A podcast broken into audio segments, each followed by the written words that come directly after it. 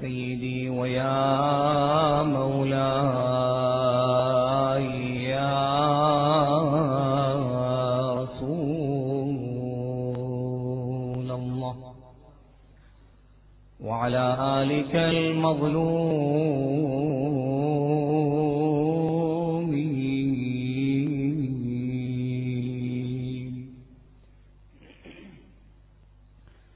صلى الله عليك يا سيدي ويا مولاي يا أبا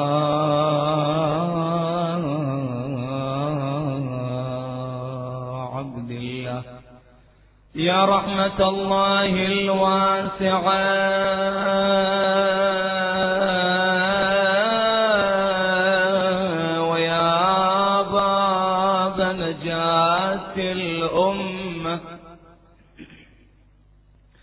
ويا عبرة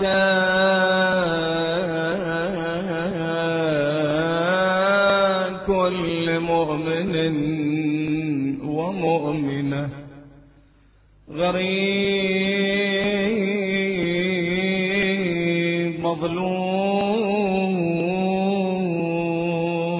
كربلاء. ما خاب من تمسك بكم. وأمن من لجأ إليكم يا ليتنا كنا معكم سادتي فنفوز فوزا عظيما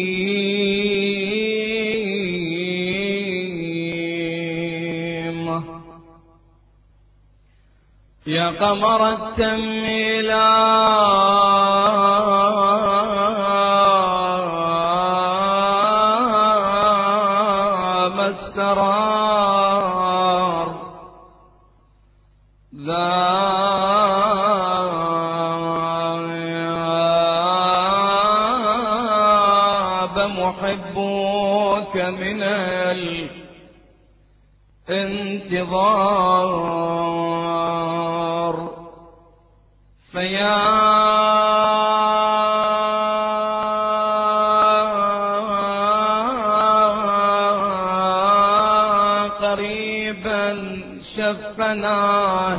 هجره والهجر صعب.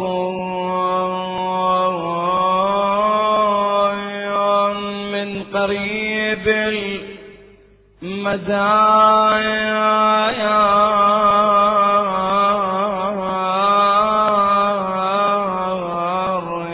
يستنصر الدين ولا ناصر. وليس إلا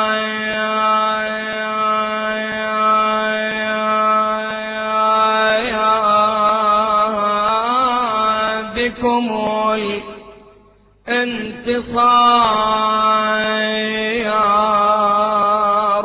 سيدي متى نرى بيضك مشحوذة كالماء صاف لونها وهي نار متى نرى الأعلام منشورة؟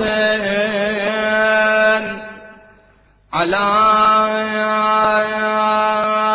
كمات فتثير الغبار.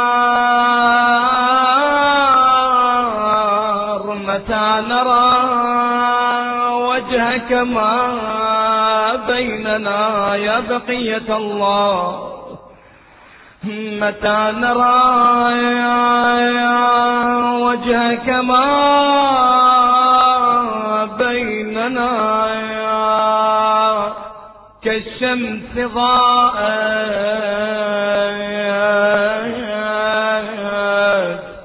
بعد طول الستار زعيمنا حجب عنا فما أقرب أن يبدو فيحمل الدمار انصحنا انصحنا بالطف نساء لنا؟ هيا سندخل الصيحة فيه.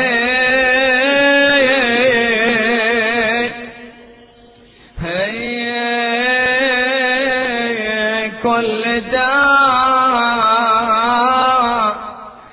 أو تبكي أو تبكي أطفال صغار لنا. سنأخذ القوم بذوها.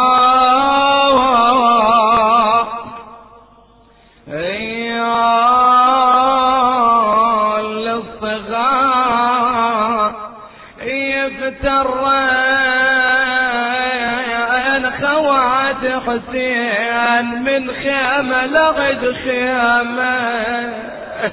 أولي بترن خوات حسين من خيمة لغد خيمة.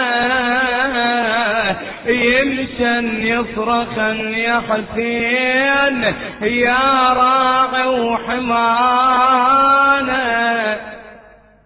لا حول ولا قوة إلا بالله العلي العظيم. بسم الله الرحمن الرحيم. ونريد أن نمن على الذين استضعفوا في الأرض. ونجعلهم أئمة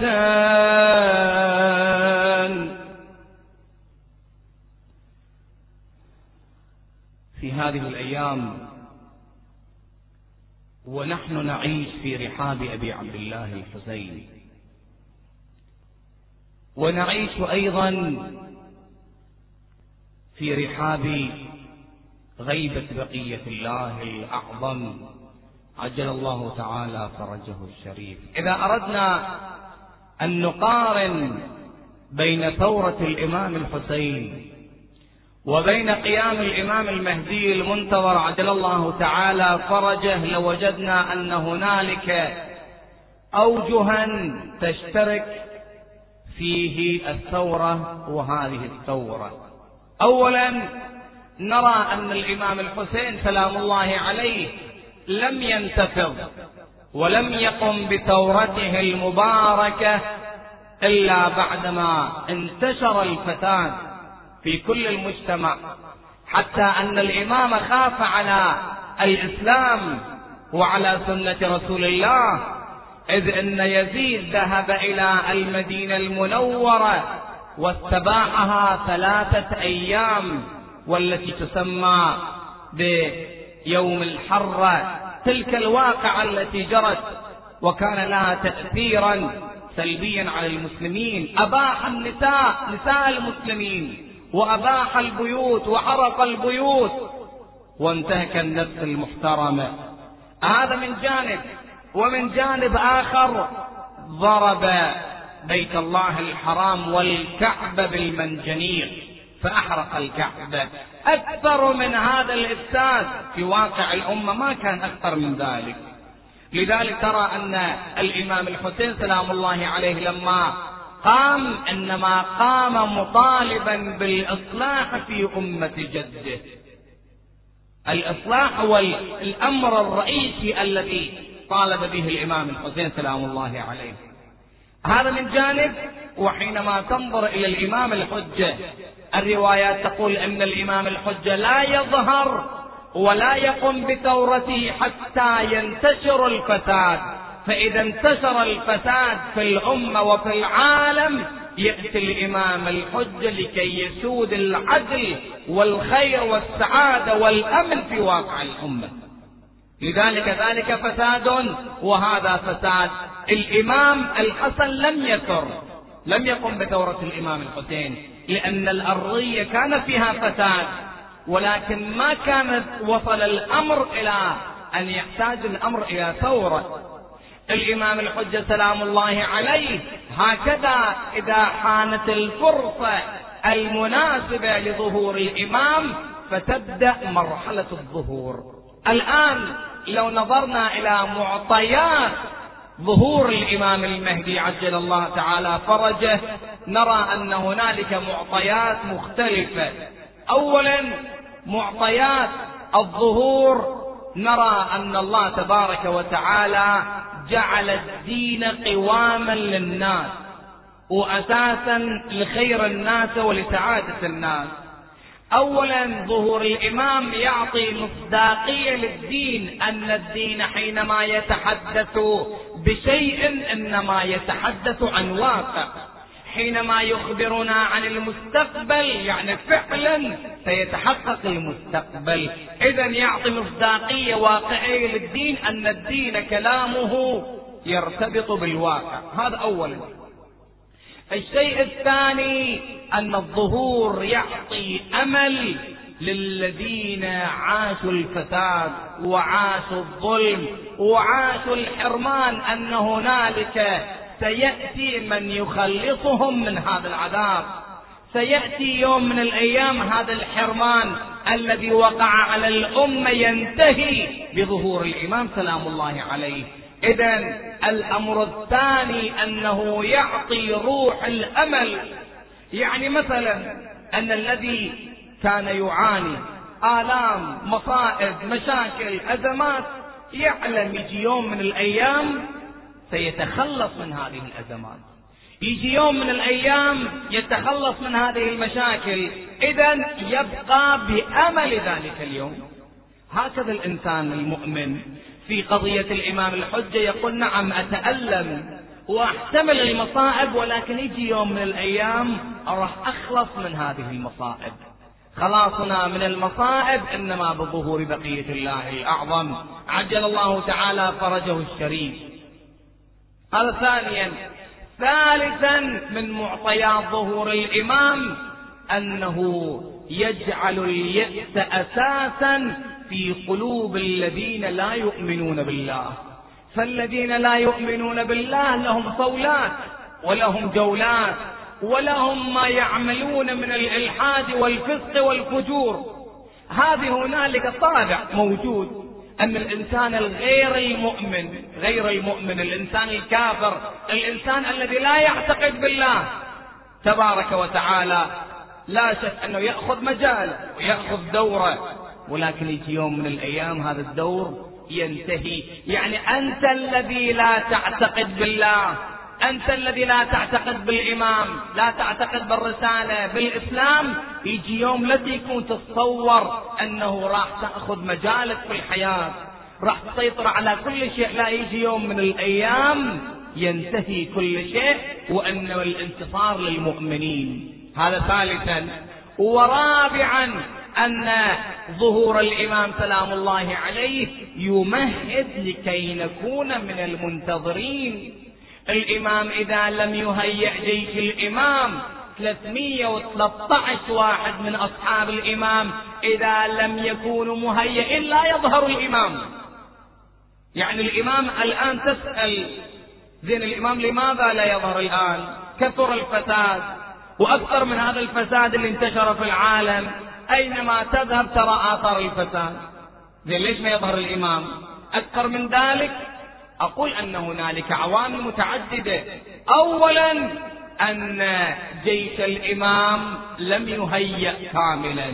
يعني أعضاء جيش الإمام الذين يكونون جنود في خدمة الإمام لم يهيئوا إلى الآن ولم يكتمل العدد. إذا علينا كل واحد منا أن يهيئ نفسه قد يكون هو جندي من جنود الإمام الحجة تقرأ في الرواية أن الذي يقرأ دعاء العهد صباحا بعد صلاة الفجر تقرأ دعاء العهد أربعين صباحا. الرواية تقول أن الذي يداوم على دعاء العهد أربعين صباح الله تبارك وتعالى يجعله من أنصار الإمام المهدي. ولو أنه مات يأتون إلى القبر فينادونه فإذا أراد يتحول وينصر ولكن إذا ما أراد يبقى في مكانه. بالنتيجة هنالك معطيات هنالك أدلة هنالك عوامل مختلفة بإمكاننا أن نستفيد منها. إذا الأمر الرابع تهيئة الأمة. المجتمع لا بد أن يهيئ ولكن الإنسان الذي هو مليء بالمعاصي والذنوب كيف يكون مهيئا لظهور الإيمان شلون يتهيأ الإنسان؟ الإنسان غير الطاهر مو بإمكانه أن يتهيأ. الروايات تقول البعض من العلماء لما يظهر الإمام الحجة سلام الله عليه يقول لماذا ظهرت الآن؟ الآن مو دورك الآن دورنا إحنا موجودين. هذا لماذا؟ لقلة الإيمان. لأن الشيطان وأهواء الشيطان مسيطرة عليهم. لذلك يطلبون ذلك بعدم خروج الإمام. الآن مو وقتك الآن وقتنا خلي إحنا نروح بعدين أنت تعال. شوف التفكير شوف نمط التفكير شوف الإنسان كيف عليه أن يهيئ نفسه. أقول أفكر مع نفسي. يعني الآن وكل لحظة قد يظهر الإمام سلام الله عليه. من الآن أنا مهيئ نفسي. مهيئ نفسي مصف وضعي أعمالي أموالي بيتي. الآن راح أتحدث في المستقبل أن الإمام حينما يظهر يحكم بأي حكم؟ هل هو يحكم بالحكم الواقعي أم يحكم بالحكم الظاهري؟ الذين يقولون أن الإمام الحجة سلام الله عليه يأتي ويقتل الناس هل الإمام هو يأتي لقتل الناس أم يأتي لإصلاح الأمة؟ لبث روح المحبة والأمان والسعادة في واقع المجتمع. لماذا؟ الإمام ما جاء لكي يكون عامل دم وعنف وإنما هو عامل خير وأمان كجده أمير المؤمنين. سلام الله عليه. فإذا هذا العامل الرابع أنه أن نكون مهيئين. العامل الخامس والأخير أن هنالك بشارات. لما تنظر إلى النبي موسى كل الأنبياء النبي موسى بشر بمجيء عيسى عليه السلام. وعيسى عليه السلام بشر بمجيء الحبيب المصطفى محمد بن عبد الله. يعني ماذا؟ يعني أن قضية الأنبياء من نبي إلى نبي ومن نبي إلى وصي ما من نبي إلا وبشر بوصيه وذكر وصيه. لذلك حينما نتحدث عن قضية الخلافة لأمير المؤمنين سلام الله عليه نقول لما ننظر إلى الأنبياء أجمعهم كل نبي بشر بذكر وصية فكيف برسول الله صلى الله عليه وآله وسلم وهو خاتم الأنبياء لا يبشر بوجود وصي له؟ هذا مستحيل. فمن هنا ننطلق من هنا ننطلق أن البشارة كانت من نبي إلى نبي حتى أن سلمان الفارسي كان رجل مسيحي. لما جاء وانتقل من مكان من فارس وصار يبحث فسأل قسيس ومعلم له قال أن هنالك نبي آخر الزمان سيظهر ومكان في الجزيرة العربية وهذه مواصفاته. فترى أن سلمان تحول أن يكون أجيرا بيد ناس حتى يصل إلى نبي آخر الزمان. عارف هذه البشارة؟ يعرف مواصف لذلك في الإنجيل مذكورة مواصفات الرسول صلى الله عليه وآله وسلم. ولكن المشكلة أن الإنجيل حر بمناهج وبأساليب متعددة وألا بشر برسول الله صلى الله عليه وآله وسلم. حتى يجي رجل مسيحي عند الإمام سلام الله عليه. يقول هل تعتقد بعيسى؟ الإمام يقول نعم أنا أعتقد بعيسى. فقال له المسيحي أنا أعتقد بعيسى أيضا. فإذا نحن نتفق على عيسى ولكن نختلف على محمد. فإذا هو دين عيسى هو الدين الصحيح. بماذا أجاب الإمام؟ قال إني أقبل عيسى الذي بشر بمحمد ولكن عيسى الذي لا يبشر بمحمد أنا لا أقبله لاحظ؟ شوف المقارنة. هكذا لما تنظر إلى رسول الله صلى الله عليه وآله وسلم وإلى الروايات المهدي طاووس أهل الجنة. هكذا يعبرون عن الإمام سلام الله عليه. إذا كل البشارات تدل على أن هنالك تبشيرا وهنالك بشارة من رسول الله ومن الأئمة سلام الله عليهم بمجيء الإمام سلام الله عليه. الآن الإمام الحجة وعلاقتنا بالإمام الحجة هذه تختلف. هنالك من الناس من دائما يلهج ذكر الإمام. أكو دائما الناس البعض يقرأ دائما دعاء الفرج. البعض يقرون زيارة آل ياسين. البعض تشوف انه عنده علاقة خاصة مع الإمام. والبعض الآخر لا يعرف الإمام وليست له أي علاقة. هذه السنة تعرفت على رجل يقول شيخنا أنا أذهب إلى الحج. ثلاث اثنين وثلاثين سنة أنظر إلى رجل يجلس في الكعبة في بيت الله الحرام. باتجاه المستجار يجلس هناك رجل شيبة يقول أنا يوم من الأيام كل عمره رجبية أذهب وكل حج أتي إلى بيت الله الحرام. هاي 32 سنة لأنه عنده حملة. فيقول أنا شفت هذا الشيب كل سنة أجي أشوفه أمامي جالس في هذا المكان. فذهبت إليه وسألته قلت له أنت أشوفك دائما تأتي إلى حج بيت الله. دائما في أيام رجب. أشاهدك في هذا المكان. لماذا؟ قال أنا أأتي هنا منتظرا لسيدي ومولاي بقية الله الأعظم. أكو ناس هكذا يفكرون. في جمع من الناس هكذا يقول كل مرة أذهب إلى حج بيت الله بنية التشرف بلقاء الإمام. سلام الله عليه. تشوف هذا الإنسان الذي يذهب بنية اللقاء بأي توجه يذهب. أو ترى أن الناس في يوم عرفة البعض من الناس ترى أنه هائم على وجهه لأنه في يوم عرفة الإمام يأتي مع الحجاج في عرفات أيضا. فيقول أنا أأتي هنا وأبحث عن الإمام. لا. شوف العلاقة شوف الإمام هكذا يفكر بالإمام فترى أن الإمام يغفل عنه. الإمام لا يفكر به. لذلك هنالك تأكيدات في الأخبار والروايات أن ندعو للإمام بتعجيل الفرج. ذلك الرجل الذي كان يذهب إلى مسجد جمكران بمدينة قم هذا مكان مبارك. ليلة الأربعاء مساء الثلاثاء الناس يأتون إلى هذا المكان من كل صوب ومكان يتوجهون وتشوف هنالك عشاق الإمام المهدي. هكذا يناغون الإمام هكذا يتوجهون إلى الإمام. رجل يقول أنا أربعين ليلة يعني من كل أسبوع أربعين ليلة. الأربعاء كنت أذهب إلى مسجد جمكران هذا المسجد المبارك. أصلي صلاة الإمام الحجة. أزور الإمام ثم أرجع. واظبت على هذا العمل أربعين أسبوع. أربعين ليلة ثلاثاء ليلة أربعاء. يقول بعد الأسبوع الأخير أنا كنت جالس في ذلك المكان.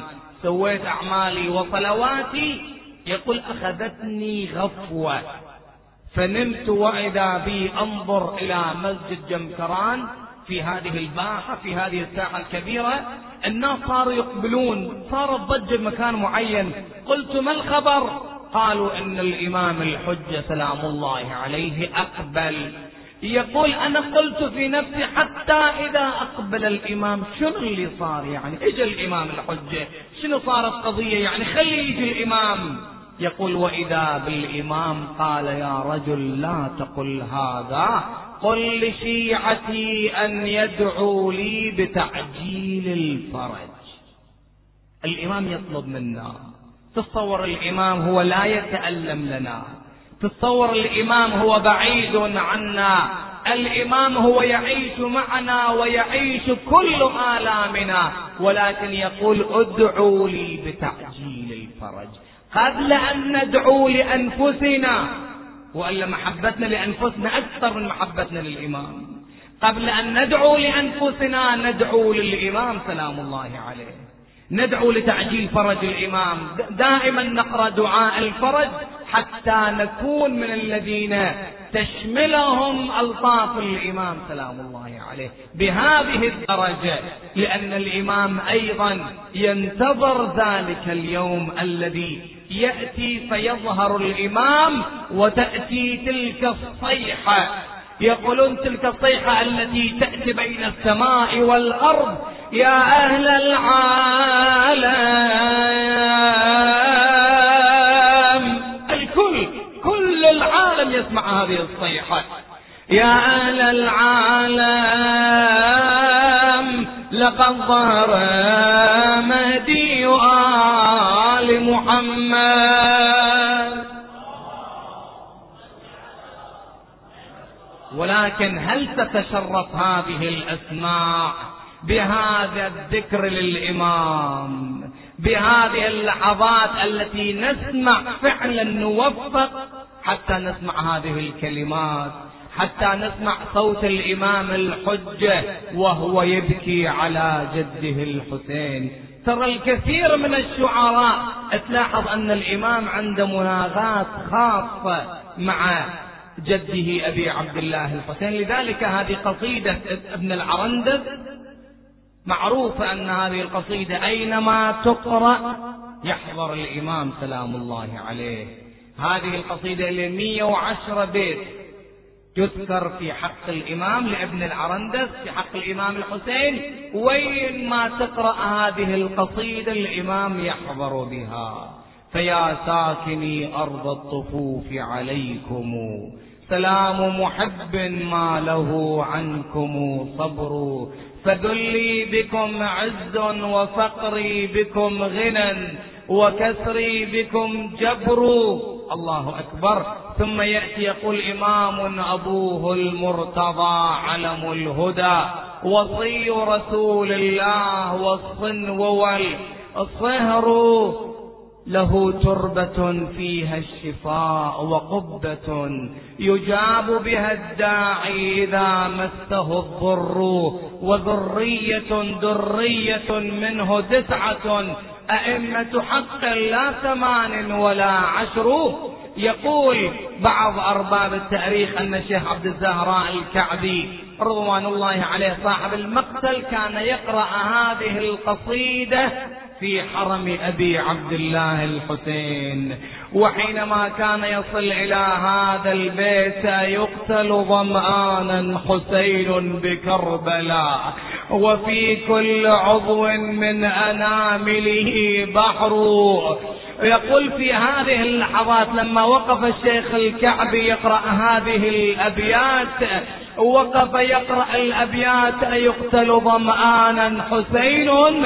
هو إذا برجل من العرب واقف خلف الشيخ يقول أيقتل أيقتل. يكرر هذه الكلمة يكررها كرارا يقول أيقتل ظمآنا أيقتل ظمآنا وهو يبكي بكاء عاليا يقول بعد ما خلصت هذه القصيدة يقول الشيخ الكعبي التفت إلى ورائي لم أرى أحدا. يعني هذا يدل أن هذه الساعات الامام بقية الله الأعظم. هو معنا هو مع القافلة ينظر إلى عمته زينب. تأتي تأتي إلى قبر أمها فاطمة لكي تودعها. في في خروجها من المدينة. هكذا ينظر إلى جده الحسين يأتي إلى قبر أمه فاطمة. عزيز على قلبه شلون يخرج من المدينة وما يودع أم الزهراء؟ لذلك حينما جاء الإمام وقف على قبر أمه المستور عنا جميعا ولكن بقية الله الأعظم يعرف أين قبر أمه فاطمة يذهب إليها ويبكي عليها. وهكذا الإمام الحسين وقف على قبر أمه وصار يقول أما فاطمة أنا ولدك الحسين. أما انظري إلى أمة جدي ماذا صنعوا بي. أخرجوني من مدينة جدي رسول الله. وصار يقول السلام عليك يا أمة. السلام عليك يا بنت رسول الله. بينما كان الإمام يتحدث مع أمه فاطمة وإذا به يسمع نداء من القبر يقول وعليك السلام يا ولدي. وعليك السلام يا غريب الأم يا مظلوم الأم. أمست الزهرة في قبار هتزيد لوني. وتصيح وحزني على فراقك يا الحسين يا حسين يا ابني هيا جيت. حزني علي. لجلك بقبري لابسه ثوب العزيز ابكي عليكم يا ضحى. يا الغاضرية. الله كاتب كربلاء تحويك يا حسين.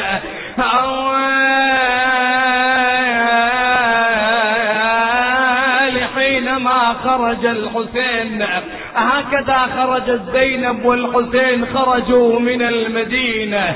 ولكن حينما رجعت زينب إلى المدينة رجعت من دون الحسين من دون قمر العشيرة بالفضل العباس ذهبت إلى دار أبي عبد الله رأتها خلية من الحسين.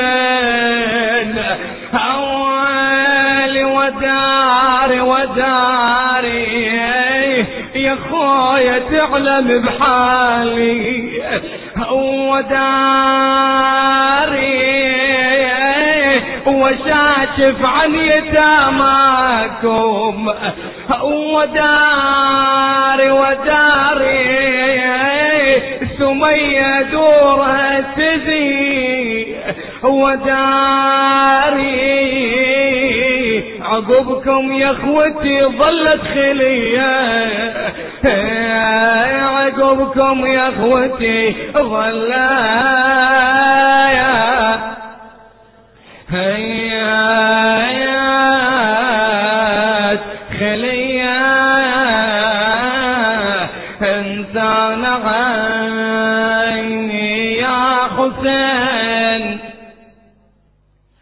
أخي يا مني وعقد جماني المنضودة اللهم صل على فاطمة وأبي